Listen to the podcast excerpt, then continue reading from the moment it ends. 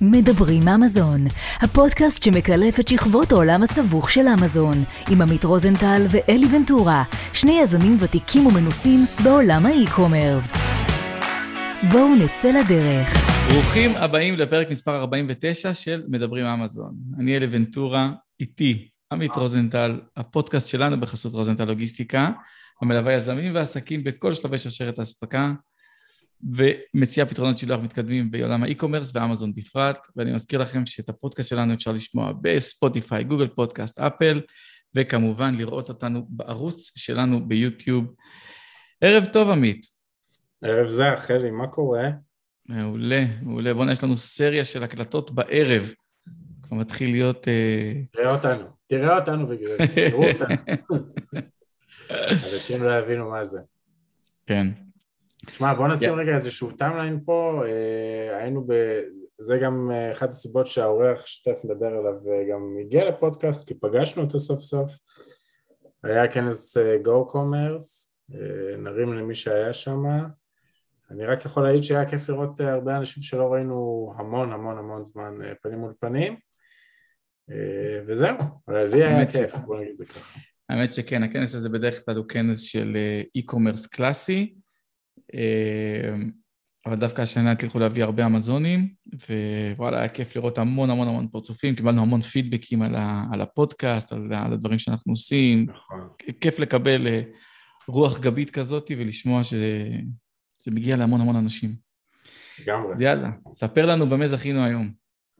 Uh, זהו, אז uh, היום אנחנו מביאים, אני לא כל כך דרך להציג אותו בדיוק, חוץ מהשם שזה כמובן טלור עופר, שהוא uh, בחור מאוד מאוד מוכר פה בתעשייה בישראל. עברתי עם טלור כמה גלגולים עד הכנס האחרון, שאז גם ראיתי אותו פעם ראשונה פנים מול פנים. בגדול מתעסק בריטייל, אה, איש באמת יקר, המון המון המון ידע וניסיון בעולמות שפחות אנשים מתעסקים בו לפחות כמו שאנחנו מדברים איתם פה אז אה, טלור ברוך הבא ושמחים שאתה פה איתנו. תודה, ברוכים הנמצאים, תודה שאתם מארחים אותי היום. יאללה, אז היום אנחנו כאן כי אמרתי לך גם לפני, אה, אבל יש לך המון המון וובינארים שאפשר לשמוע בכל מיני מקומות, כמעט בכל קבוצה אפשר לראות אותך, לשמוע אותך בעברית, באנגלית, ברוסית, ב... לא, לא ברוסית פחות. אמ, אבל אני רוצה לשמוע קצת על המסע היזמי שלך. ספר לנו ככה, לא יודע להגיד חצי שנה לפני שנכנסת לעולם הזה של אמזון, אבל קח אותנו למסע בזמן, איך הגעת בכלל לעולם היזמות, מה עשית לפני, האם היית שכיר מתישהו בחייך, ולמה היום אתה לא שכיר? מדהים איך אתה שאלת בדיוק את השאלות של הדברים, הנקודות שחשבתי לגעת בהן, באמת, אה, דברים שלא דיברנו ככה לפני. אז אה, כן, אני איתלו, אה, בעיקרון אני, מה שאני עושה זה כבר בערך עשרים שנה, אני מתעסק עם ריטל בארצות הברית, כשאני אומר ריטל הכוונה בדרך כלל בעיקר, סירי כותבת את כל מה שאני אומר, אני לא יודע למה היא מתערבת, בעיקר בעולמות של רשתות קמעונאיות, כלומר חנויות פיזיות בארצות הברית, אני מתמחה מה שנקרא, אם אפשר לקרוא לזה ככה, הייתי לוקח את המתמחה מעולם של העורכי דין, כלומר אני בהתמחות, אני עדיין בהתמחות, כבר עשרים שנה, עדיין לומד, אבל uh, מתמחה בעולם של uh, חנויות פיזיות בארצות הברית, זאת אומרת אני פחות נוגע במקומות אחרים, למרות שאפשר לעשות קופי פייסט. Uh, ככה ממש ממש בקצרה, אני התחלתי את העולם של היזמות שלי בגיל שש. נשמע קצת תלוש, אני יודע, אבל אה, אבא שלי איש היה, זכרו לברכה, היה איש חינוך, גם אימא שלי, ומתוקף העבודה שלהם עברנו בין פנימיות בילדות שלי, זאת אומרת הם היו מתחזקים שם כל מיני משרות בפנימיה ואנחנו היינו חוצניקים, זאת אומרת לומדים בבית ספר רגיל אבל גרים בפנימיה. אחת הפנימיות שהגענו היינו שם כמה שנים טובות והוא החליט שהוא רוצה להביא מתנדבים, הוא הביא מתנדבים מארצות הברית. הוא אמר אוקיי הבאנו מתנדבים, כל הזמן שואלים איפה קונים קולה? ואז זה לא היה כזה נפוץ ובטח לא בתוך הפנימיה אז הוא החליט שהוא פותח להם קיוסק קטן, שיהיה ככה כמה צ'וקולדס וקוק וכל זה. איפה זה היה? איך? איפה זה היה? בגננות ושתלנות וטכנאות נוף בפתח תקווה. מה אתה אומר? כן, למה אתה מכיר? גדלתי בפתח תקווה גם, אבל אנחנו נדבר על זה אה. בדמות אחרת. אוקיי, יפה. אז כן, יום כיפור בקלישר, יורדים עם האופניים. בגן הנשיא. כן, אז אני למדתי באלף דלת אה, גורדון, ואחרי זה בעין גנים. אה, בילדות. anyway, אה, אז פשוט הוא אמר, טוב, צריך מישהו שימכור את כל הדברים האלה, והוא זרק אותי למים האלה של להיות המוכר. ילד בן שש, בקושי יודע כמה עודף צריך לתת בזה, והאמריקאים, ימי תמימות, שנות ה-80, דברים היו נראים קצת אחרת, אבל מה שבטוח זה למדתי איך אה, גם למכור, גם לא להתבייש, וגם אה, למדתי המון אנגלית שם. זה היה מה שנקרא היזמות הראשונה שלי, לא מאה אחוז שלי כמובן, הקרדיט לאבא, אבל uh, זה די פתח אותי, כאילו, בראש, פתח אותי ללעשות עוד דברים, וזה המשיך להתגלגל, זאת אומרת, אני מגיל, נדמה לי, 11 או 12, יש לי אפילו רקורד בביטוח לאומי של, של שכיר, של בן אדם שעובד, בגילאים שאנשים כאילו לא, בדרך כלל לא עובדים. פאסט uh, פורוורד, יצאתי מהארץ uh, כמו כולם. אתה האח הגדול בבית כאילו? לא, במשפחה שלך, אתה לא. בן הבכור? לא. סנדוויץ', מקבל את המכות משתי הצדדים. כמו כל הסנדוויצ'ים. אה, אחי הגדול חי בארצות הברית, כבר שנים שם, הוא גם הולך להישאר שם, אבל זה סיפור אחר. אה, ואחותי פה בארץ די קרובה אליי גם בתל אביב, אני תל אביבי, למרות שאני עובד עם ארצות הברית ואני חי על שעון אמריקה, אבל אני חי פה. פאסט אה, פורוורד, אחרי הצבא נסעתי לטיול קצר, שהסתכם ב-12 שנה. לא תכננתי את זה ככה, זה היה אמור להיות גג 12 שבועות, אבל מהון להון, אחרי טיול בהודו, שהיה מתוכנן לחודש והפך לחצי שנה, הבנתי שאני לא כל כך בעניין של לחזור. התחלתי להתגלגל בעולם, והציעו לי בוא תעבוד ב- ביפן, בוא תעבוד בבסטות. כשאני הגעתי וראיתי בסטות ביפן, אמרתי, אוקיי, זה סופר לואו-טק, זה הכי לא business בעולם, בוא נראה מה אפשר לעשות עם זה. התחלנו לאט לאט לחשוב, אני ובחור שעבד שם יחד איתי, ומהון להון התחלנו לבנות קודם כל בסטות שלנו, של עצמנו, כלומר, בנפרד ממה שהיה שם בתור מערכת. בסטות זה מילה אה, נרדפת לעגלות? אה, לא, ממש בסטות, בסטה שנפתחת ככה, ויש לה תכשיטים, ממש שוק הכרמל. אה, מדהים. זה אפילו לא שוק הכרמל, זה שנות ה... כן, תרפפו. הכי basic בעולם, עם מנורה של גנרטור שמתחברת, קומבינות של החיים. אתה בא עושה אלף, אלפיים דולר בערב, ואני לא מגזים, והולך הביתה, ארבע שעות, חמש שעות. באיזה שנה זה? אנחנו מדברים על 99 אה, לדעתי. בן כמה אתה? אני, יש לי שיער יותר לבן ממך פי ארבע. הוא הגדול פה, אלי, הוא הגדול. אני הגדול? אה, באמת? בינינו, אוקיי. כן. בינינו, כן. כולה 46, אני יודע. יואו, מדהים. אני מרגיש 22 בראש, אבל בסדר. אה, אז 99 התחלנו למכור שם תכשיטים וזה, וראינו שזה, תשמע, אתה בא עושה בערב הראשון 200 דולר, אחרי זה 400 דולר, אחרי זה 600 דולר, אתה לומד כמה מילים ביפנית, פתאום אתה עושה 800, 2,000 דולר, אתה אומר, רגע, מה הולך פה? שנייה, זה לא משהו, כאילו, וגם בתור ילד, אה, אני קורא לזה ילד כי זה 20 ו, כן, 21, 22, אתה מבין שמשהו פה מאוד מאוד לא נורמלי, ויש פה הזדמנות שכנראה אין הרבה סיכויים שהיא תחזור על עצמה. כאילו, זה סכומים שאתה עושה אותם ובאפס עבודה. אז אמרנו, אוקיי, בוא, בוא, בוא, בוא קודם כל נשכפל, דבר ראשון. עשינו, לקחנו בסטות שלנו, מקומות שלנו, התחלנו לעשות copy paste. הגענו עם, עם שותף, הגעתי לסדר גודל של, נדמה לי, בין 16 ל-20 בסטות, תלוי באיזה תקופה, כאילו, כריסמס כמובן, זה התפוצצות. והגייסתם עובדים שם, הם מקומיים? כן, עובדים רק ישראלים לקחנו, והרבה ספרדים דווקא, ספרדים, ספרדיות, אה, שהיה מאוד קל לעבוד איתם, כי הם גם מוצ'ילרים כאלה מטיילים, וגם כל הזמן מחפשים, אתה יודע, לעשות אה, אה, ויזה ביפן של שלושה חודשים, כי זה הוויזה שאתה מקבל, ולהמשיך הלאה עם, ה, עם, עם כסף להמשך הטיול. אז זה בעיקר מבוסס על תיירים אה, שעבדו איתנו, לא על יפנים, היפנים לא, לא בנויים ל, לרמת אילתור כזאת, כי אתה נורא מאלתר, זאת אומרת, זה, אתה תופס איזה שיכור אחרי שהוא שתה שתי בירות ומתחיל לשחק איתו ב... אה, לעשות איתו הימורים על אה, אבן יער או מספריים, על מה יהיה המחיר, דברים כאילו שנשמעים קצת הזויים, אבל זה, זאת הייתה המציאות שלנו אז. אני הייתי חודש ביפן, אני יכול להעיד שבאמת אה,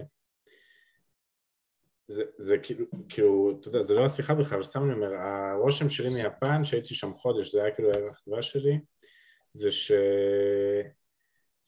כאילו מגיע לשם במחשבה שזה מקום כאילו הכי שונה שאי פעם פגשת, ואתה מגיע, אתה קולט שהכל כמו, ש... כמו שבארץ, כאילו הכל רגיל, זאת אומרת האנשים רגילים, המקומות רגילים, אבל אז אתה קולט שהעם היפני הוא באמת משהו שפשוט אי אפשר להסביר אותו במילים, כאילו הסדר, הארגון, הדברים שקורים שם, אין, אין, אין ולא יהיה בעולם דבר כזה, כן, מדהים. כן, כן. זו שיחה, שיחה נפרדת. שיחה נפרדת, זה על יפן אפשר לדבר שעות על גבי שעות, אבל uh, אגב, הזכרת מקודם שיש פודקאסטים בכל מיני שפות, ביפנית עוד לא עשיתי, אבל אני מאמין שאני יכול. יש לי איפשהו בתוך הראש עדיין את היפנית, ברמה יחסית טובה. Uh, anyway, אז התחלנו לעשות פייסט ומפה התחלתי להבין לאט לאט, אוקיי, מה זה בעצם ביזנס? כאילו, אוקיי, אתה רוצה קודם כל לעשות פייסט כדי להגדיל, ואז אתה רוצה לעשות אוטומציה, נדבר על אוטומציה של שנת 99, עוד, אה, אז עוד אה, ניסו ללמד אותי איך לפתוח הוטמייל, זה לא כל כך הלך, פתחתי הוטמייל על המספר האישי בצבא, כל מיני רעיונות כאלה של פעם, ומה שכן למדנו זה קודם כל אה, איך לייצב את המערכת ברמה של להביא עובדים, שכל אחד יודע מה הוא עושה, ואז נכנס הקטע של היבוא, כי בסופו של דבר מכרנו סחורה, צריך להביא את הסחורה, ועד אז הסתמכנו על חבר'ה בתוך יפן ישראלים שיביאו לנו, ואמרנו אוקיי בוא, בוא נצא מהתמונה הזאת, בוא נגלוש לעולם שלנו ועשינו עוד פעם אבן יר ומספריים והשותף הוא זה שהוחלט שיטפל בדבר הזה.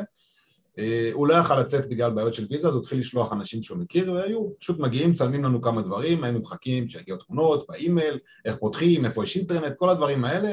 רואים את זה, לפעמים גם אפילו תמונות בפקס ומזמינים ככה ומתחילים לקבל סחורה. ואז בעצם התגבש לי לאט לאט תוך כדי העבודה שם ההבנה הזאת היא שמוצר ששווה, סתם דוגמה, חצי דולר, אה, אתה יודע, כזה, כל מיני כאלה, מסנגה זה נקרא, אה, ברסלט כזה, אה, כאילו אור, שווה חצי דולר בתאילנד וביפן הוא שווה 12 דולר. אז, אז יש פה איזשהו קטע, כאילו אם אתה יודע רק להזיז את זה מצד לצד ולשווק את זה, אז יש לך פה ביזנס. וזה באמת פתח לי את העולם הזה של מה שנקרא להזיז סחורות, לעשות ביזנס, לפתח וכולי. וזו הייתה אחת ההתנסויות הטובות שלי בתור בסיס. אה, מהון להון אה, סיימתי אחרי כמה שנים טובות ביפן, כבר אה, די מיצינו את הסיפור שם, התחיל להיות שם קצת בעיות עם ה...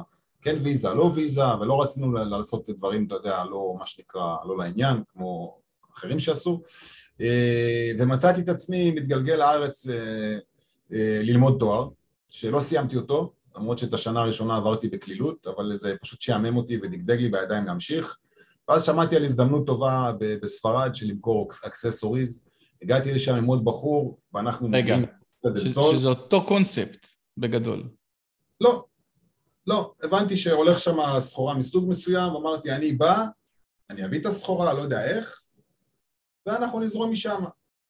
אוקיי. Okay. הגעתי, הגעתי לספרד, עוד היה לי ברוך השם הרבה כסף מיפן, שהצלחתי לשרוף אותו באורח פלא בצורה יפה מאוד, אתה יודע, אתה נותנים לך כלים, ילד בן 20 נותנים לך כלים שבגיל 40 אני לא יודע להתמודד איתם, אז אז בטח ובטח, אה, כן, הרבה מבשלות בירה אה, נהנו מה, מהכסף הזה. anyway, uh, הגעתי לספרד, ראינו מה הולך שם, ראינו שיש באמת ביקוש למוצרים שדיברו עליהם, אני ועוד uh, חבר, החלטנו שאנחנו מביאים את זה מסין, עכשיו לא היה לנו שום קשר עם סין, אבל שמענו על חבר שהיה איתי ביפן, שהוא הגיע לסין והוא, מה שנקרא, הוא זז שם, לא יודע. אנחנו מדברים על שנת 2002, 3 פלוס מינוס, משהו כזה, 2002 לדעתי. אה, מפה לשם הצלחנו ליצור איתו קשר, אמרנו, תשמע, יניב, זה מה שאנחנו צריכים, הנה המוצרים, הנה התמונות, הנה הכל. אז כבר כן עבד בזה נושא של האימיילים, למרות שהיית סופר את הקילו בייט עד שזה ירד. אה, תשלח לי תמונה קטנה, אני לא יכול להוריד את זה, וכל מיני כאלה. ולאט לאט התחלנו להביא, בהתחלה הבאנו ארגז אחד של UPS של תיקים ו accessories, אחרי זה הבאנו שתי ארגזים, הגענו לקרגואים, אה, התחלנו לנפח את זה לכיוון החצי קונטיינר וכולי וכולי, היה שם business מאוד מאוד יפה. לאן בספרד? סליחה? איפה בספרד? הייתי במלאגה, זאת אומרת בקוסטה דל סול יותר נכון, מי שמכיר, ממש על הים, בית על הים, טרקטורונים בחצר, כל האווירה הזאתי. נשמע לא כיף. כן, אווירה לא נורמלית, כאילו, אתה קם בבוקר, לא בא, הדבר האחרון שבא לך זה לעבוד, כאילו, ואתה יודע, אתה גם הולך לסופר בתשע וחצי בבוקר, הוא עוד מרים את התריס, הוא רק מתעורר, הכל שם בכזה טרנקילו כזה. בספרד מתחילים לעבוד ב-11, מסיימים ב-1, חוזרים ב-4 ומסיימים ב-6. זה יום עבודה ארוך. בדיוק, אתה רץ סביב השעות שלהם כי אתה הפסיכי היחיד שרוצה לעבוד, הם, אתה יודע, מבחינתם, הם, הם צדיקים כולם, המן מגיע להם עד לדלת. כן. ואז התחלנו לעשות שם יבוא יפה מאוד, ואני אה, אה, מצד אחד מאוד הסתנוורתי, כי עשינו שם סכומים יחסית יפים, כן, לא, עשינו בטופ 30, 40, 50 אלף יורו כל אחד בחודש, זה סכומים מאוד יפים, אה, בלי יותר מדי עניינים. התחלנו לעבוד על ניירת, לסדר את הדברים, היה לנו קו של חנויות, ובעצם היינו באים כל פעם לעוד חנות ועוד חנות ומציעים את הסחורה, והם היו קונים, הולסל, B2B, ואז היינו מתחילים להבין לאט לאט כמה כמויות אנחנו צריכים לייבא וכולי. ופה לתוך הנקודה הזאת, פעם אחת הגיע לי אחד המשלוחים, והבחור מסין אמר לי, תשמע, יש לי פה בעיות, אני לא יודע אם אני יכול לספק לכם. אמרתי, אוקיי, בסדר. באמת הגיע המצב שהוא כבר לא יכול לספק לנו. אמרתי לבחור שהייתי שם, אמרתי לו, תשמע, אני אסע לשם, לסין, נסתדר, נראה, נמצא שם איזה מפעל, לא יודע מה וזה. אומר, לך תמצא, אמרתי לו, עזוב, נסתדר. היום כשאני מסתכל על זה, ברור שהסיכוי שאני אעשה כזה דבר היום הוא שואף למינוס, בטח עם ילדים, עם משפחה וזה, זה לא, דברים לא, אבל גם אם הייתי רווק, או גם אם הייתי, לא יודע מה, משוחרר מהעניינים המשפחתיים, לקחת את ה-state of mind הזה שאתה נוסע למקום, אתה רוצה לקנות סחורה מסוימת, אין לך מושג איך המקום נראה, וגם אין לך שם אף אחד. בעיניי אין יותר יזמות מזה, ואני אסביר גם למה. פעם ראשונה שאתה מגיע לסין? איך? פעם ראשונה שאתה מגיע לסין? פעם ראשונה לא הייתי בסין אף פעם. לא הייתי בסין אף פעם. אה, פעם אחת ביפן יצא לי להזמין סחורה מישראלי שעבד בסין, אבל לא היה לי איתו כבר קשר, התנתק, לא יודע מה קרה איתו. ואז בתוך הנסיעה הזאת, וזה כל הסיפור פה המעניין, שבתוך הנסיעה הזאת, אמרתי אני אעבור בארץ, אני אגיד שלום להורים, לא הייתי כמה חודשים, ואז אני אטוס לסין. ואני כבר ידעתי שאני מגיע לגואנג'ו, כי ראיתי ב, ב, ב slip האחרון, ב packing list האחרון, ראיתי שכתוב שזה הגיע מגואנג'ו. רשמתי לי את השם, חיפשתי על המפה, קניתי כרטיס. אני טס לגואנג'ו. גואנג'ו, פתח תקווה, מה הבעיה? כן. מה שאני יודע בוודאות זה כמה דברים. אחד, אני יודע שמה שזה עולה שם, זה כנראה עשירית ממה שאני מוכר את זה, וזה כנראה חצי ממה שאני קונה את זה היום, זה דבר ראשון. שלא אכפת לי שעוד מישהו ירוויח בדרך, אין לי בעיה, אבל הבן אדם כאילו בעצמו אמר, תשמע, אני יוצא מהתמונה כנראה, יש לי פה בעיות. שתיים, אני יודע שאני הולך למקום שכנראה שאין בו הרבה אה, אה, יזמים, וכשאתה מגיע למקום כזה, אתה יודע שאתה בא למשהו שהוא so called בתולי, להתחלה של משהו, ויש לך פוטנציאל גדול. ודבר שלישי ידעתי, וזה, לא ידעתי את זה, היום בדיעבד אולי אני יודע את זה, אבל איפשהו היה לי ביטחון בתוך עצמי, שדברים יסתדרו. ואז נחתתי בארץ, ודקה לפני הטיסה, ממש דקה, אמיתי, אמיתי, אמיתי, לא בהגזמות, לא בסיפורי ג'ו נקה שנסעתי לאמריקה עם חצי דולר, אמיתי, חצי דקה לפני אמרה משהו בסגנון, אני מקבל הודעה ב-SMS של אז, אחי היקר, שמעתי שאתה נוסע לסין, הנה טלפון של ויקי, הוא נמצא בהונג קונג, כתבתי לו את המספר טיסה אמא שלך נתנה לי, טיסה נעימה. לא הספקתי אפילו לענות לו.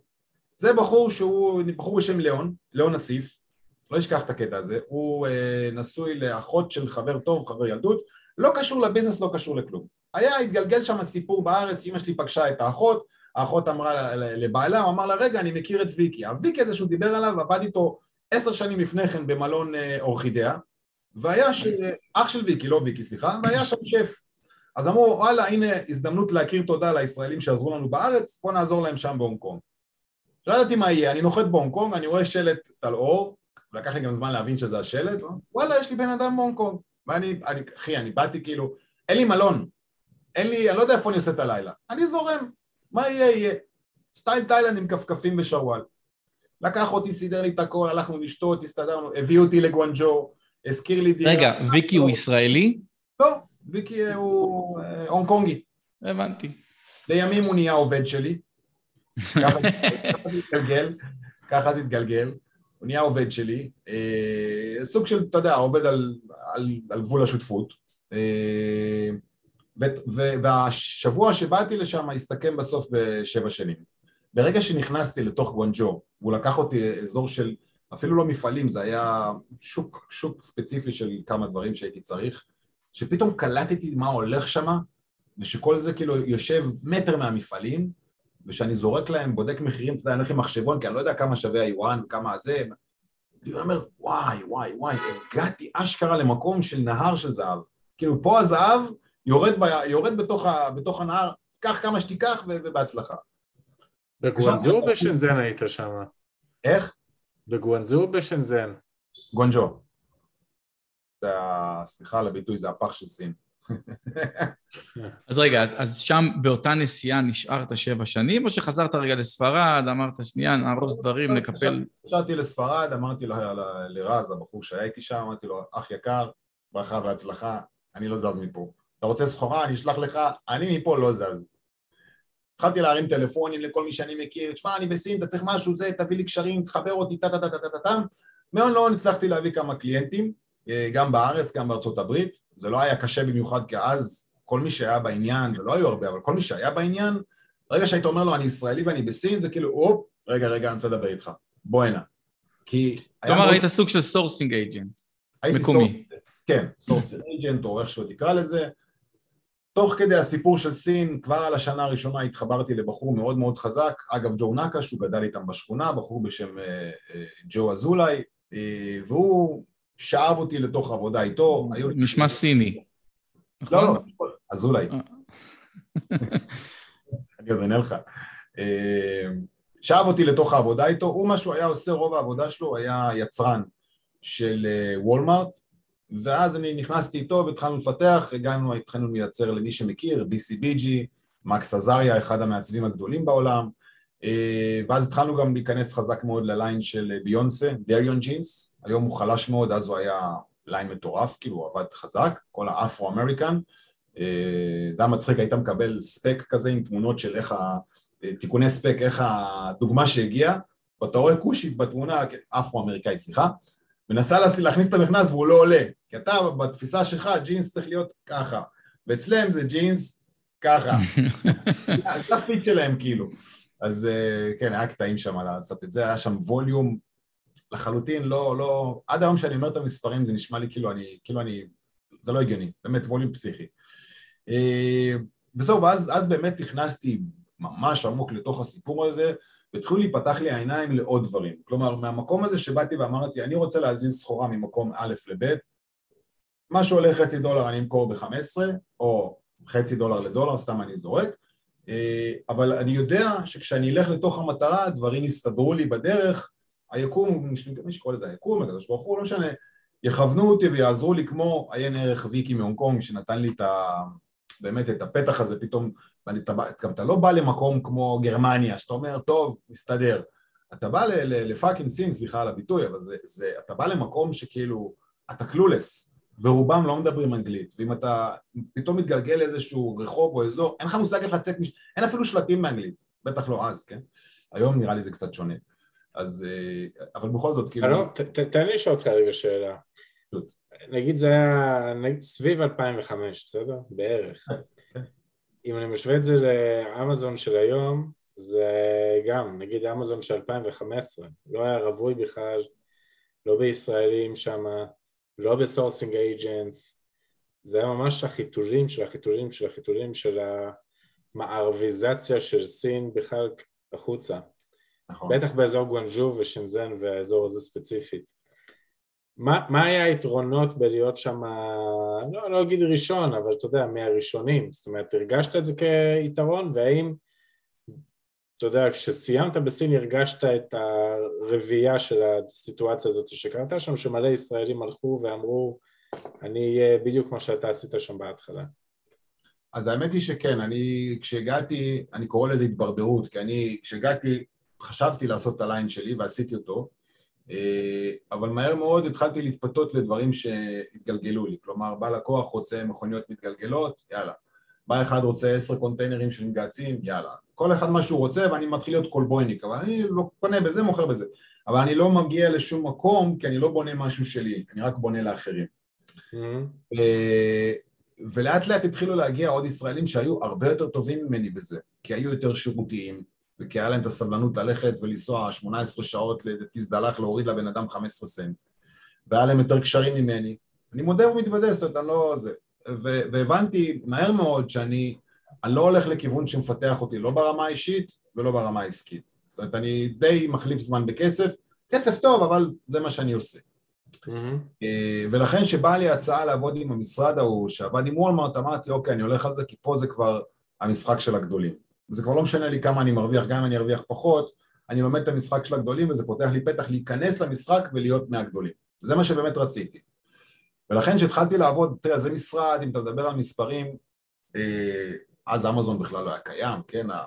עליבאבא, אני בזמנו ישבתי לארוחת ערב עם אה, לורנס סיני, הונג קונגי, שהוא אחד המייסדים של made in china.com, אם אתם מכירים, הם אז היו פחות או יותר באותה רמה כמו עליבאבא, ועליבאבא התחילו לטוס כלפי מעלה והם התחילו לרדת כלפי מטה. הם עשו טעויות מפה עד הודעה חדשה, הם בנו על פגישות אישיות, במקום על פלטפורמה, לא משנה. Anyway, זה, זה, זה, זה, זה הרוח של הדברים כאילו, והלורנס הזה דווקא ניסה לעזור הרבה בקטע של sourcing, אבל זה לא, לא יודע מה התרומם. anyway, המשרד הזה שעבדתי איתו, הם היו, כשאני הגעתי, חברתי אליהם, הם כבר היו ברמה של בין 20 ל-40 מיליון דולר סחורה, עלות בסין, שהם מוציאים כל חודש, אוקיי? זה כבר, אז כבר הם, הם היו ב volume שאני כאילו, בשבילי זה היה מפלצת, כאילו, וואו, מה, רגע, שנייה, ממש שקשקתי בהתחלה מהמספרים. אה, אבל קפצתי לתוך המים, והאנגלית שלי עוד מימי הארטיקים והקולות בפנימייה בגיל 6 עוד הייתה יחסית טובה ועם השנים התפתחה. אה, ובאמת יש לי גם טאץ' טוב לכל קטע של המחשבים וזה, אז זה מאוד עזר לי בקטע של לשלוח וספקים ולהזיז וכל הדברים האלה. ובד בבד גם התחלתי לבנות אה, מותג שלי עם שותף מקנדה, שהיה מותג שמבוסס בעיקרון על חוסר במוצר ספציפי בקנדה. לא היה להם אה, אה, מגהצי קיטור, עם יחידת קיטור, לא היה קיים בקנדה, ועלינו על זה והתחלנו לרוץ על זה. תוך כדי שאני רץ על הדבר הזה, אני קולט שהאונליין מתחיל לעלות. אני קולט שאני מתחיל לשמוע אה, פה ושם, בקטנה, איפה אתה, מה אתה עושה? זה, אני עובד באי-ביי. מה אי-ביי? מה זה אי-ביי? מה, מה יש לך לעבוד באי-ביי? מה אתה עובד? מה אתה עובד בחברה? לא, לא, אני מוכר באי-ביי, וזה היה כאילו, אני מדבר איתך 2007, 2008, כאילו זה היה לא חיתולים, זה היה החוטים של החיתולים, ממש ממש ממש בוסר והיה מאוד קשה לתפעל אז את הדברים, גם ברמת ה... החל מאינטרנט וכאלה באיך לשלוח אחד אחד, עוד לא היו את כל השירותים שאנחנו מכירים היום של, אתה יודע, pick and pack קטנים כאלה, אבל היו פתרונות כמו תמיד להכל, אה, ואני ראיתי את הדבר הזה, זיהיתי אותו מהר מאוד, הבנתי שאני נמצא בהתחלה של איזשהו משהו גדול, לא ידעתי כמה גדול, אז מי דמיין שאמזון יהיה כזה דבר מפלצתי שאי-ביי זה ייראה כמו משהו, אתה יודע, אה. אה. אבל עדיין הבנתי שהניסיון שלי כבר, אז כבר היה 4, 5, 6 שנים, כבר נבנה לעולם של B2B ושל ריטל. אמרתי, אוקיי, אני, זה מה שאני יודע לעשות, שם אני טוב, שם טוב לי, אני ממשיך עם זה. אה, ובאמת ראיתי הרבה אנשים שהקימו אתרים, שעשו כל מיני דרופים, המון דברים בעולם הזה ש... היום הוא כבר יותר ברור, כן? או שאתה באי-קומרס, או שאתה בשופיפיי, או שאתה בזה, זה נורא ברור היום. אז היו המון אופציות ולא ידעת לאן כל דבר הולך. אה, והרבה מהדברים ש, שעשו אז לא, לא קיימים כי הם לא ריאליים כבר.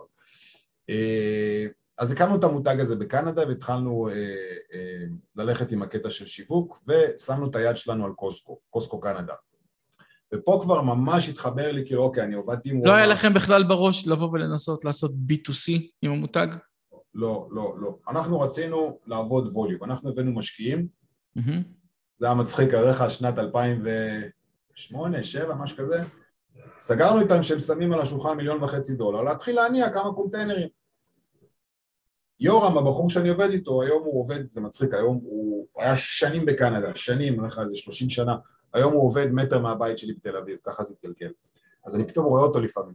אה, אז יורם, השותף שהיה שם, הוא אה, אה, הביא את השותפים, היה צריך לפגוש אותם, והם באו עם, אה, עם שקית כזאת, הוא אומר לה, מה זה? הוא אומר לו, מיליון וחצי דולר ביקשת. הוא אומר לו, וואו, וואו, חבר'ה, לא, אני לא גנגסטר, אני לא עובד ככה, אין שום דבר, תשכחו מזה, העברה בנקאית, מסודר, ניירת, זה היה ימים אחרים קצת. אז anyway, אנחנו מלכתחילה ידענו שאנחנו הולכים על ווליום. זאת אומרת, מוצר שעלה לנו סדר גודל של 17 ומשהו דולר, מכרנו אותו אה, מכרנו אותו, נדמה לי ב-49 או 69, אני כבר לא זוכר, משהו כזה, קנדיאן, כאילו זה קצת פחות בדולר, אבל עדיין זה מתח יפה. מכרתם לקוסטקו. לא, בריטל. לקוסטקו זה היה, נדמה לי, אזור ה-30, משהו כזה. עשינו בערך כפול, 30 ומשהו, כמעט כפול. אוקיי. Okay. ואתה לוקח קונטיינר של 100 ומשהו אלף דולר, הופך אותו ל-200 ומשהו, עוד קונטיינר, עוד קונטיינר וכולי. גם חתמנו איתם והכל, וכבר היה אז אז פה הבנתי שרגע, שנייה אחת, יש לי את וולמרט, יש לי את קוסקו, יש את החנויות שמוכרות את הסחורה של אה, ביונסה, שאני יודע איך זה עובד, אני יודע איך זה תלוי, ואני יודע איפה יש בעיות, ואני יודע מתי הקרטון צריך לצאת ככה, ואת כל הדברים, ואז אומר, שנייה, רגע, רגע, אני, אני ממש נכנסתי לתוך הריטל הרבה יותר ממה שחשבתי, בוא נלך עם זה עוד צעד. אה, ולא הלכתי שום צעד. כי לפעמים אתה נתקע, אתה עושה משהו והוא עובד טוב, אתה נתקע, וזה בדיוק מה שקרה לי בסין. ואז בשלהי 2007 הכרתי את אשתי בסין, למרות שהיא חולונית, הכרתי אותה שמה, ואנקדוטה קטנה, כעיקרון הכרנו בערב שבועות, שזה לא מזמן היה, חגגנו 15 שנה לא מזמן, וישר התחברנו, בחב"ד פגשתי אותה, ישר התחלנו לדבר וזה, הלכנו הביתה לשתות תה, בסוף הערב אמרתי לה, תשמעי, יש לי משהו להגיד לך, אבל אני אחכה שבוע ואז אני אגיד לך, ואחרי שבוע הצעתי לה. אה, אז כאילו... ככה זה בסין? ככה זה, לא בסין, ככה זה... לא, לא ידעתי שככה זה עובד בסין. כאילו היא לא הייתי מנטלית, סתם, אבל לא. אה, אתה יודע... אני רוצה לשאול שאלה, ואני נכנס למה שאתה מתעסק בו היום, ואני גם מחבר את זה שוב לאמזון. retail זה מילה גסה במרכאות, בסדר? זאת אומרת זה מייצג כל כך הרבה דברים שאני חושב שהרוב המוחלט של המוכרים באמזון לא מבינים אפילו את הפוטנציאל ב retail, לא מבינים את האחוזים של בין האי-קומרס, אני לא מדבר רק על אמזון והריטייל, רק בארצות הברית את היחסים בזה. יש המון המון המון רשתות שכנראה מוכרות בעשרות אם לא מאות מיליונים שאנחנו אפילו לא מכירים את השמות שלהם פה בישראל דבר קצת על העולם הזה שלך ומה הוא, תרים לנו אותו למי שמחפש ריטל ובכלל בכמה דברים. מרים, אז אני רק אעשה fast forward, 2010 חזרתי לארץ, שבע שנים התעסקתי עם ברנדים שלי, שם נפתחתי לבערך 50-60 ריטלרים, מ-2017 התחלתי לעשות מה שנקרא רפ אייג'נט, כלומר אני לוקח ברנדים, מכין אותם לריטל ומתחיל למכור. זה מה שאני עושה, פונה לרשתות עם, עם הליינים האלה, לאנשים הנכונים וכולי. יש פה דבר קודם כל ברמת המספרים צריך להבין, המספרים משתנים כל הזמן למעלה ולמטה, כרגע יש קפיצה אדירה של אה, מכירות בחנויות הפיזיות בשתי רבעונים האחרונים לעומת האונליין, האונליין, האונליין יורד וה retail עולה, כבר שתי רבעונים, אני לא יודע אם אנשים מודעים לזה, אני כל הזמן נתקל בפורס, בכתבות וכולי, זה דבר ראשון. דבר שני צריך להבין שהאונליין כולו ביחד עם אמזון ועם אי-ביי ווולמארט, כל האונליין ביחד הוא לא עובר את ה-13-14 אה, אחוז מהשוק הקמעונאי בארצות הברית ביום טוב. 16 היום. 16, אז הוא עבר, היה יום טוב. אני יודע כן. שזרקת נתון כזה, דרך אגב, באיקום אה, במפגש שהיה, אבל לא שמעתי את זה, פשוט מישהו בא ואמר לי את זה. אמר לי, כן. בוא'נה, תשמע את הנתון שאלי בדיוק סיפר. אז uh, הייתי צריך להקליט אותך. אבל אנשים לא מבינים, אבל כאילו אנשים לא, לא מבינים, לא יודעים, כאילו, אתה מוכר בפלטפורמה מסוימת. עכשיו, מה קורה פה? למה הלכתי לעולם הזה של אנשי אמזון? יותר נכון, בהתחלה באו אליי, אני לא, לא הייתי מודע לזה כמה זה מפותח, ואז פתאום באו אליי ואמרתי, רגע, רגע, יש להם מוצרים, לחלק יש גם מיתוג, טוב, לא טוב, פחות טוב, יותר טוב, לא משנה, יש מיתוג, יש בסיס, יש אתר, יש סחורה בארצות הברית, יש צבעים, יש SKUs, יש עם מה לעבוד, אפשר לפתח את זה עוד קצת, פוש קדימה, ולהתחיל לרוץ עם הסחורה ברשתות, כי אני מכיר את הרשתות ויודע עם מי לעבוד. אז זה מה שהתחלתי לעשות, וזה, בעצם צריך להבין שהמעבר מהאונליין, אמזון, לחנויות, הוא לא בלאגן גדול, הוא לא היסטרי, אנשים חושבים שזה... זה זבוב. אנשים חושבים שזה, זה, שזה, אני מוחא לעצמי כפיים, אנשים חושבים שזה איזה משהו, אתה יודע, מהלך כזה מפחיד, אתה נכנס לתוך איזה, ממש לא, זה לא, לא big deal. תמיד בסופו של דבר יושבים שם אנשים, אה, אלא אם כן אתה ב Seller Central, יושבים שם אנשים, ואתה, אתה יודע, אפשר לדבר, אפשר לעשות, אפשר to negotiate. לא, בוא, בוא, זה, זה מפחיד. אני, אני זוכר, אני מדבר עכשיו מה, מהעיניים של ה seller. שישבתי איתך ועשינו את התהליך הזה בהתחלה והיה לי הרבה חששות כי אמרתי בוא אני, אני לא מדבר עם אף אחד אני מדבר עם מיילים, אני מדבר עם רובוטים של אמזון, אני מוכר, אני קם בבוקר, אני רואה שהיה לי 100 מכירות, לא מעניין אותי מי היה, מי מקנה, לא מעניין.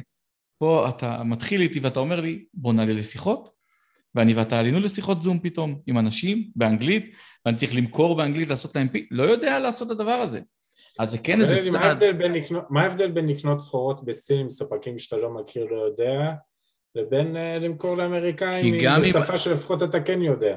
קודם כל, עם הסינים לא דיברתי בחיים, אני או מתכתב איתם בוויצ'ט או שולח להם מיילים, אין לי שום צורך ורצון לדבר איתם, וגם כשאתה כבר מדבר עם הסינים, אתה יודע מה זה, זה go go go yeah. כן. take this and give me better price, thank you.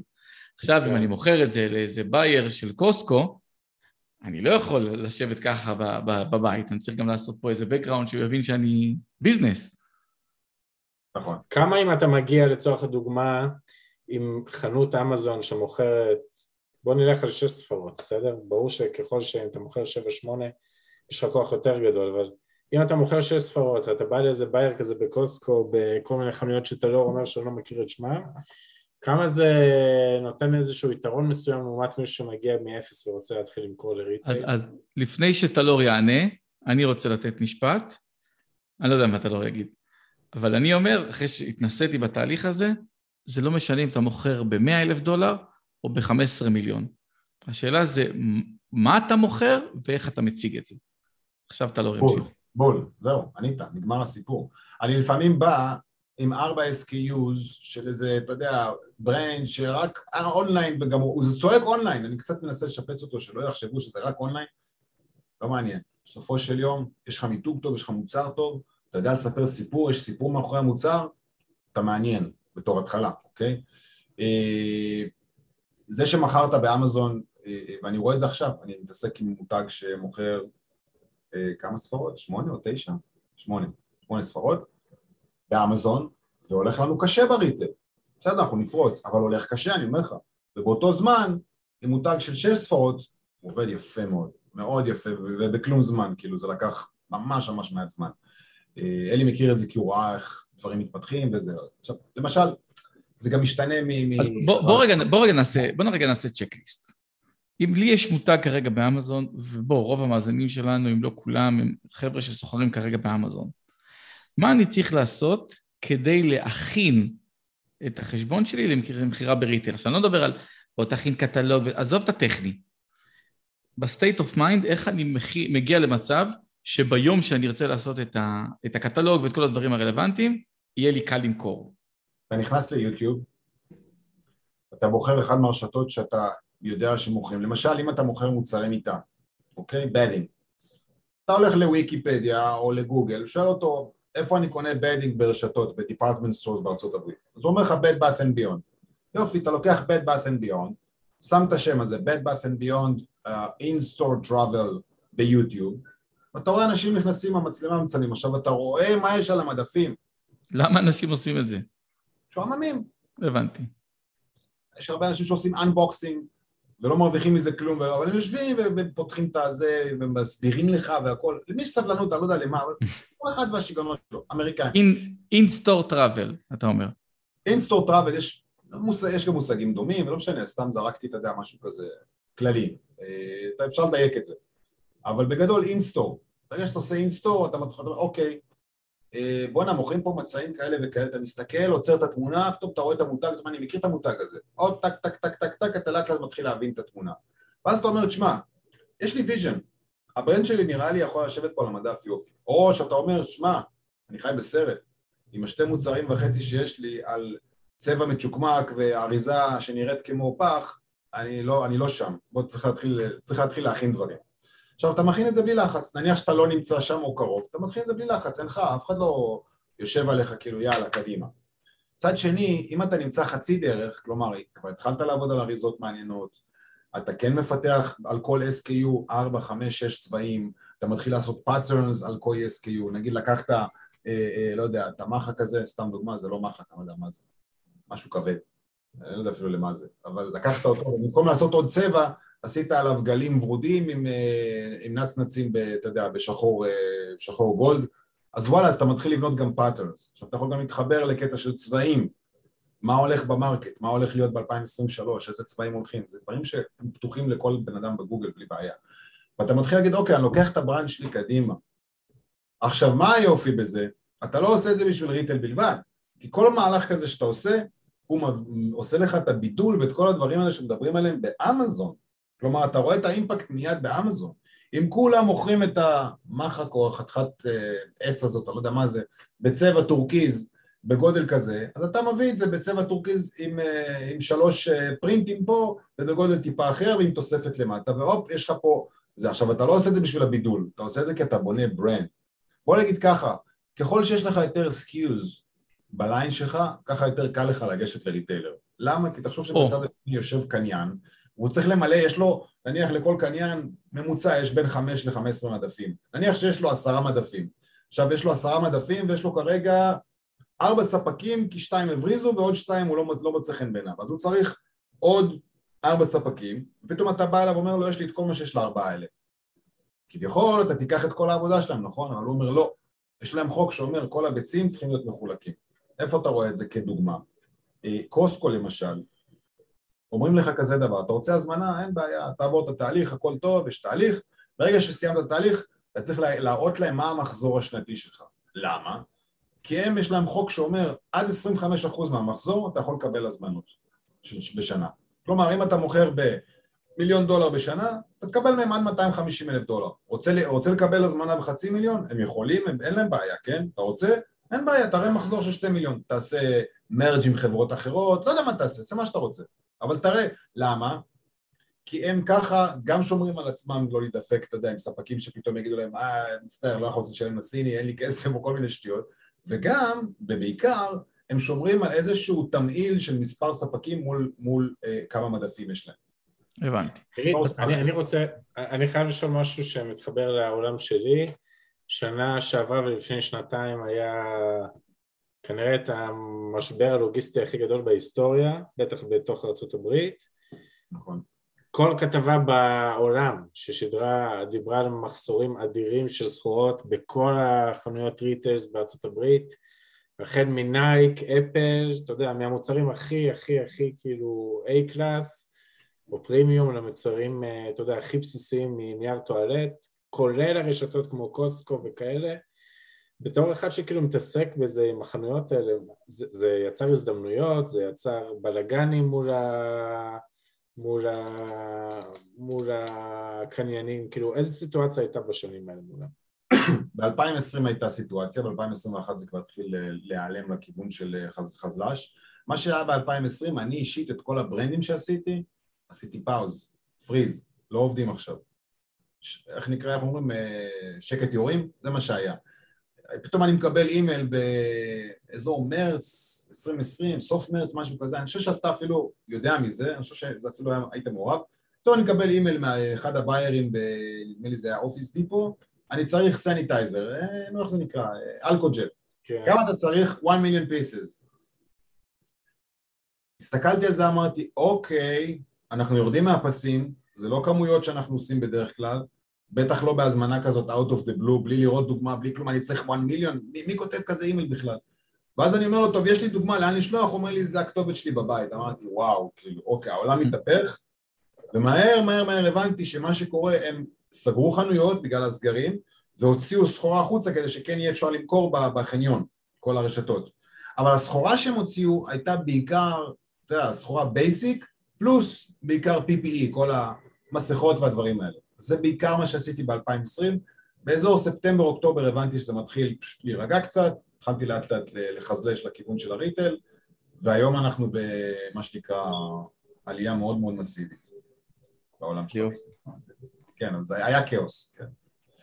אז, אז דבר ראשון אחד, דבר אחד למדנו זה, בואו, אם יש לכם 4 SKU, אולי זה לא המקום בשבילכם ריטייל, בואו תגיעו לפחות לעשרה SKU, אני סתם זורק מספר שיהיה כאילו טיפה עם בשר. אם יש לי מוצר אחד, עובד לי מאוד מאוד טוב באמזון, אני עושה לו עוד וריאציה, עובד פגז באמזון, אני מוציא לו עוד שמונה וריאציות. זאת אומרת צבעים. טוב או לא טוב? טוב מאוד, אבל אני בתור אחד שעשה brandים בעצמו, יכול להגיד שבהרבה חברות עושות את זה. יש עניין כל שנה אם אתה למשל נמצא עם 20-30 SKUs, להוציא עוד 4-5 SKUs בשנה. כלומר, סדר גודל של, כמה זה באחוזים יוצא? 5-7 אחוז להגדיל. זאת אומרת שאם יש לך מוצר אחד, יותר חשוב שתביא את המוצר השני והשלישי מאשר שתעשה את השמונה צבעים.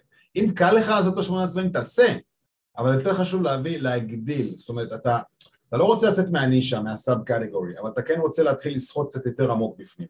זה בעניין הזה. שאגב, יש מוצרים ייחודיים, בין אם זה פטנט ובין אם זה לא פטנט, שהם ייחודיים, ונתקלתי במוצר שהוא stand alone, יש לו אך ורק שלוש וריאציות, שזה מוצר שלצערי הענק, בחורה מאוסטרליה, אה, היה לי, מה שלא קרה לי אף פעם, היה לי יותר ביקוש מהיצע, כלומר, קיבלתי הזמנות ממייסיס, מנורדסטרום, מבלק, ממי שאתה לא רוצה, והיא לא יכלה לספק אותם, הם פשוט לא, לא הצליחו לעמוד בעומס, כאילו, היא אמרה לי, תקשיב, אני לא, אני לא עומד בזה. היא מכרה באמזון, כאילו הייתה נתקעת כל שני וחמישי בסחורה, ברמה כזאת. יש מוצרים שהם, אתה יודע, יש להם קטע של באז חצי שנה, שנה בשוק, לפעמים שנתיים, אז זה שונה, פה אני לא מסתכל על מספר SKUs, פה אני מסתכל per מוצר, אוקיי?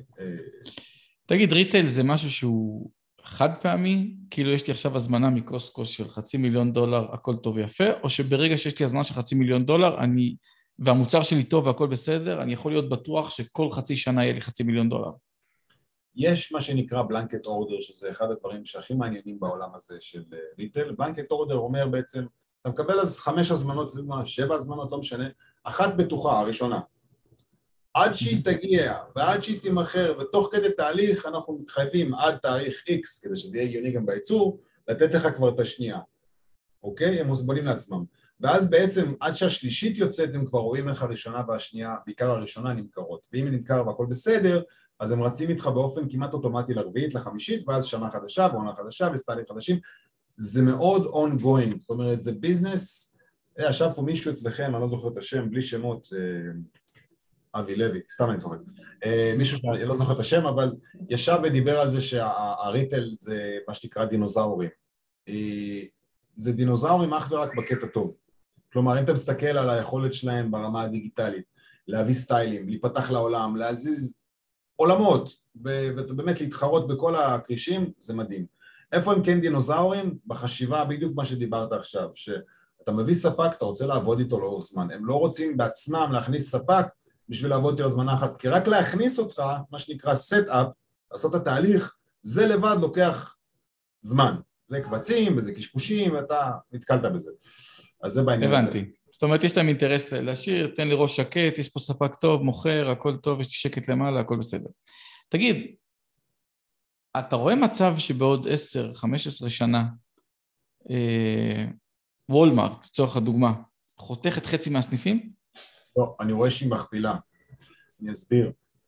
אני ראיתי את המצב הזה אה, לפני שלוש-ארבע שנים והייתי בטוח, כמו כולם, שיש מושג שנקרא retail apocalypse, שזה הולך לכיוון של אפוקליפסה, כלומר, די, יש אונליין, לא צריך את החנויות. Mm-hmm.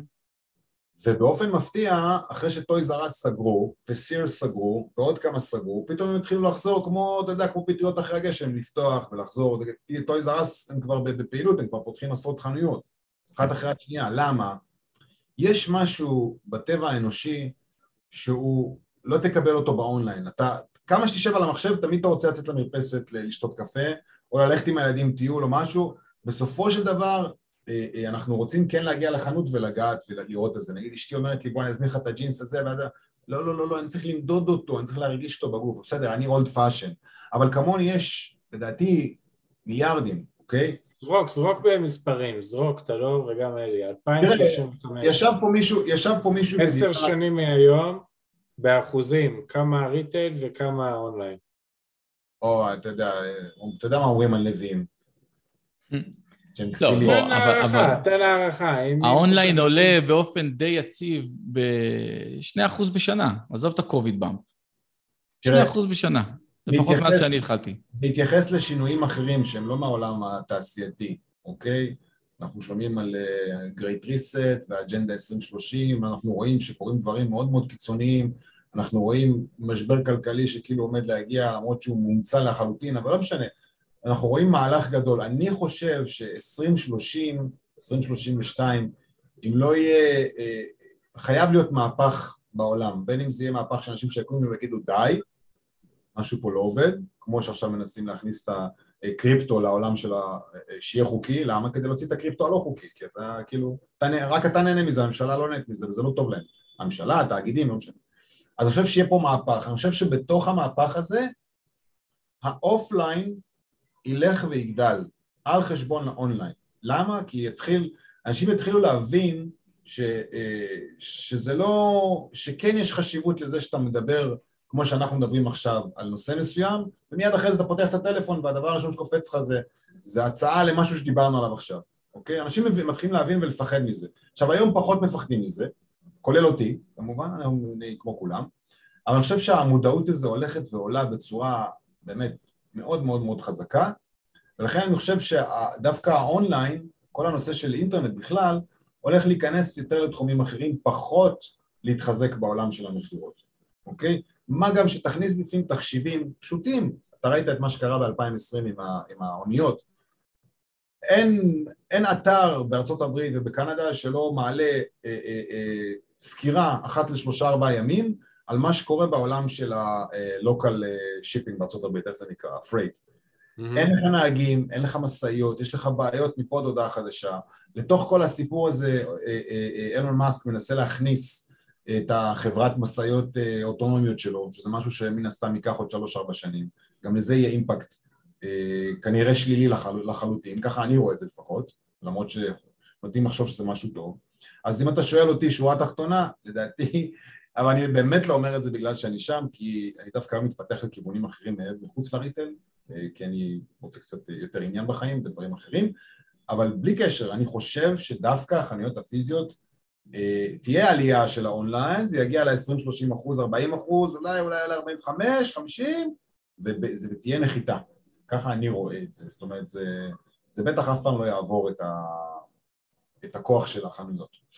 אה, ועוד דבר אני חושב שהוא מה, מה, מהמבט של היזם, אה, תראה אני עבדתי כמו שהזכרתי מקודם עם איזה 60 ריטלרים עד 2017 ומאז וגם היום אני חושב שהפוקוס העיקרי שלי זה דווקא לא ללכת לאלה שאני מכיר, לא ללכת לביירים שאני מכיר, לא ללכת לרשתות שאני מכיר ובגלל החשיבה הזאת, ואני רוצה לאמץ את החשיבה הזאת, לנדב את החשיבה הזאת לאנשים אחרים גם, של לא לעשות את המקובל, דווקא בגלל זה הגעתי למקומות שלא ידעתי בכלל שקיימים. כלומר, אני חשבתי, הייתי תחת האימפרשן שיש סדר גודל של אלף, אלף ומאה אה, אה, ריטיילרים בארצות הברית. התחבר לי, כמו שאומרים באקדמיה ללשון, שיש מעל עשרים אלף ריטיילרים. אז נכון, חלק זה חמש חנויות ועשרים חנויות וארבעים חנויות, אבל חלק זה שלוש מאות וארבע מאות, ודרך אגב, שלוש מאות ארבע מאות חנויות זה Nordstrom למשל, ש Nordstrom אה, שמענו את זה בפודקאסטים אחרים שלכם, יודעים להזמין את המיליון דולר וגם יותר מזה, בהזמנה אחת. Macy's אה, עם 800 חנויות, לקבל הזמנה של חצי מיליון מיליון דולר ל Macy's זה לא big deal. אז, אה, ועדיין אני מחפש את, ה, את האלה של ה-40 חנויות, 70 חנויות, מאוד קל לעבוד איתם, מאוד נוח לעבוד איתם, הם מחפשים את המוצרים, היום גם בעולם שאין הרבה תערוכות וגם כשיש תערוכות אז יש הגבלות וקשקושים, אז זה מאוד מוצר נצרך שאתה בא ואומר להם הנה, עזבו תערוכה, הנה אני, טל אור, עמית, אה, אה, אלי, אני בא אליכם עם ה brand עד לשולחן. סתמתי, כן. לא, אנחנו מתקרבים לסיום הפרק ואני מאוד רוצה לשאול אותך, זו שאלה הקבועה שלנו. אני בטוח שלא שמעת את הפרקים שלנו עד הסוף כדי לדעת מה השאלה הקבועה, נכון? נכון. תודה רבה, ולכן זה, אתה תהיה מופתע ולא באת מוכן אליה. אמ, אם היית זוכה מחר בעשרה מיליון דולר נטו, ככה, יושבים לך בחשבון הבנק, מה היית עושה איתם? קודם כל, בתים לכל הילדים, שיהיה להם לשעת אה, זה. דבר שני, דבר שני, את היתרה אה, הייתי שם שיהיה לכל החיים לבת שלי. יש לי ילדה אוטיסטית שלא יכולה, להסתדר, לא יכולה להסתדר לבד בכלום, היא לא יכולה לאכול לבד, היא לא יכולה שום דבר לבד, היא מאה אחוז תלויה בזה, והפחד והדבר, שאחד הדברים שהכי מעסיקים אותי בחיים זה מה יהיה ביום שאני לא אהיה. אז לכן, הרבה מהפעילות שלי, אני בראש, בלי לשים לב, אני כל הזמן חושב איך, אה, איך לדאוג לה. כן, יש לה אחים, יש לה משפחה, הכל בסדר, אבל אתה יודע, בשביל שקט שלך, אז, אז אני אומר, בתים לילדים, תפאדל תהנו, לה, את מה שהיא צריכה, בעזרת השם, לכל החיים, וממשיך לעבוד רגיל, כאילו, אני לא... העבודה, אני נהנה מהעבודה שלי, זאת אומרת, כיף לי כל רגע בעבודה. לא תעשה איזה stop של אה, בוא, בוא שנה נטוס, נגור בארגנטינה על חוף הים בכיף? לא, לא, גרתי שנים בחו"ל, עשיתי... לא, אבל עשית את זה לבד, עכשיו עם משפחה אולי. דווקא עם משפחה, אני לא רוצה לעשות את זה.